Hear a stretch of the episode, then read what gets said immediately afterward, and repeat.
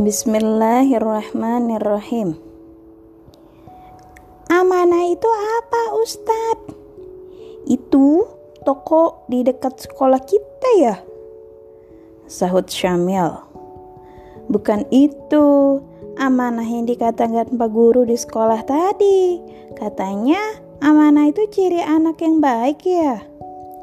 Baiklah, Ustadz akan menjelaskannya melalui kisah Rasulullah Sallallahu Alaihi Wasallam aja ya.